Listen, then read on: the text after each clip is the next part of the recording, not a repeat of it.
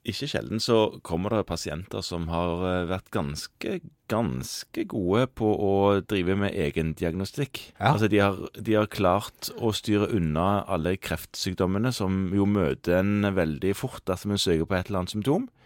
Og her hadde jeg en pasient som kom og hadde litt sånn avføringsendringer, luft, luftplager og smerter i venstre frossa flanke, liksom. Ja. Og, og hadde kommet fram helt sjøl til at dette her kunne vel kanskje være divertikulitt. Doktor kunne ikke det.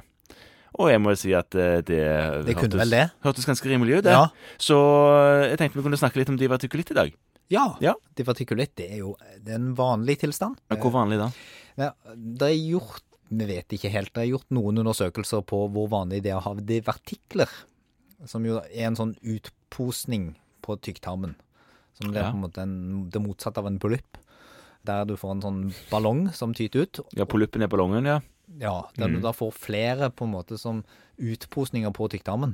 ja. Eh, som det kan samle seg eh, avføring og bakterier, og av og til blir de inflammerte. Mm. Eh, og s- Det er gjort en studie blant annet, som, der de koloskoperte massevis av helt friske folk, egentlig litt sånn i screeningsammenheng, ja. og fant eh, av 9000 som de koloskoperte, at 27 av de hadde divertikler. ja u uten betennelse sånn- Da, nødvendig. da så man ikke, tok man ikke hensyn til betennelser og den typen ting. Det var bare så De had- mange fant vi divertikler hos. De hadde rett og slett divertikler. Ja. Ja. Så er det andre undersøkelser som er gjort, som viser at sånn 15-20 av de som har divertikler, de får divertikkelsykdom. Sånn divertikulitt. Ja, så da ender man jo opp på et sted rundt 5 eller noe sånt. Ja. Eh, En av 20, det er en god del. Ja. Det øker med alder, så jo eldre man blir, jo mer divertikulitt får man. Det er en tilstand som gjerne kommer etter hvert, og det er ikke noe særlig kjønnsforskjell.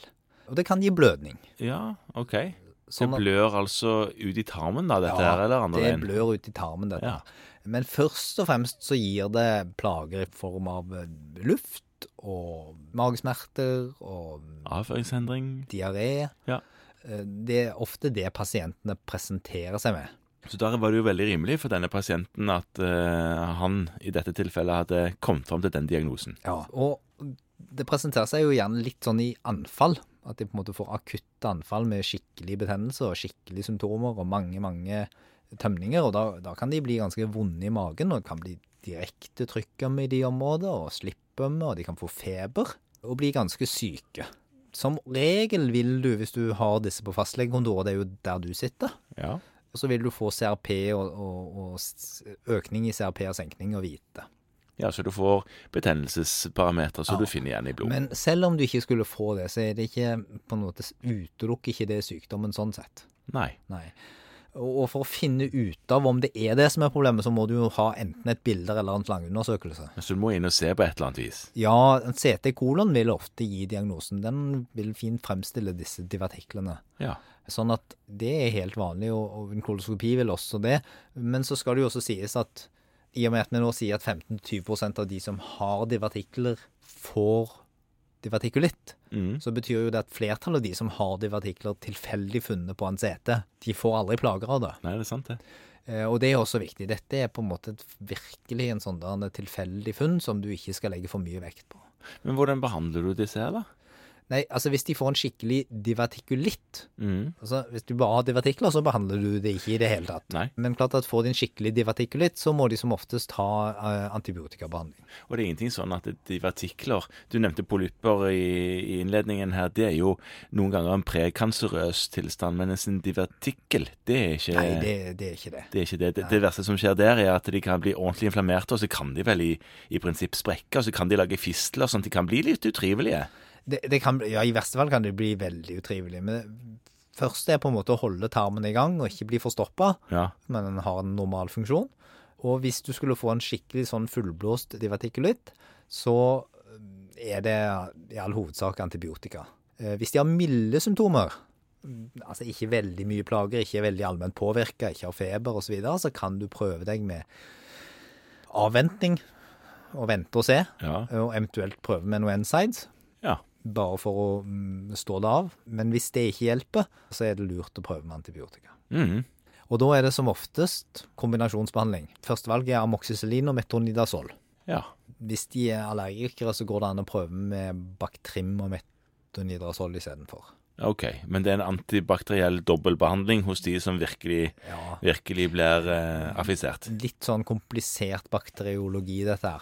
Men viktig å huske på at det er ikke sånn at man må gripe til antibiotikaen med en gang noen kommer, selv om de har hatt en divertikulitt før. Og noen av de kan være litt skremt av det, men har de lite, relativt sett lite symptomer, normale prøver, ikke tegn til å være periodonittiske eller dårlige, så går det an å ha litt is i magen, ikke bare divertikler, og se det an bitte litt.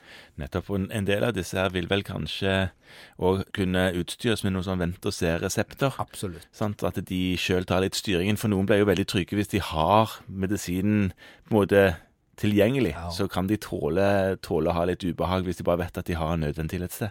og ofte går det over. Ja. Eh, Så har du de som har eh, ekstremt mye plager og residuverende plager. Det gjelder mindre enn 10 av de som har divertikulitt.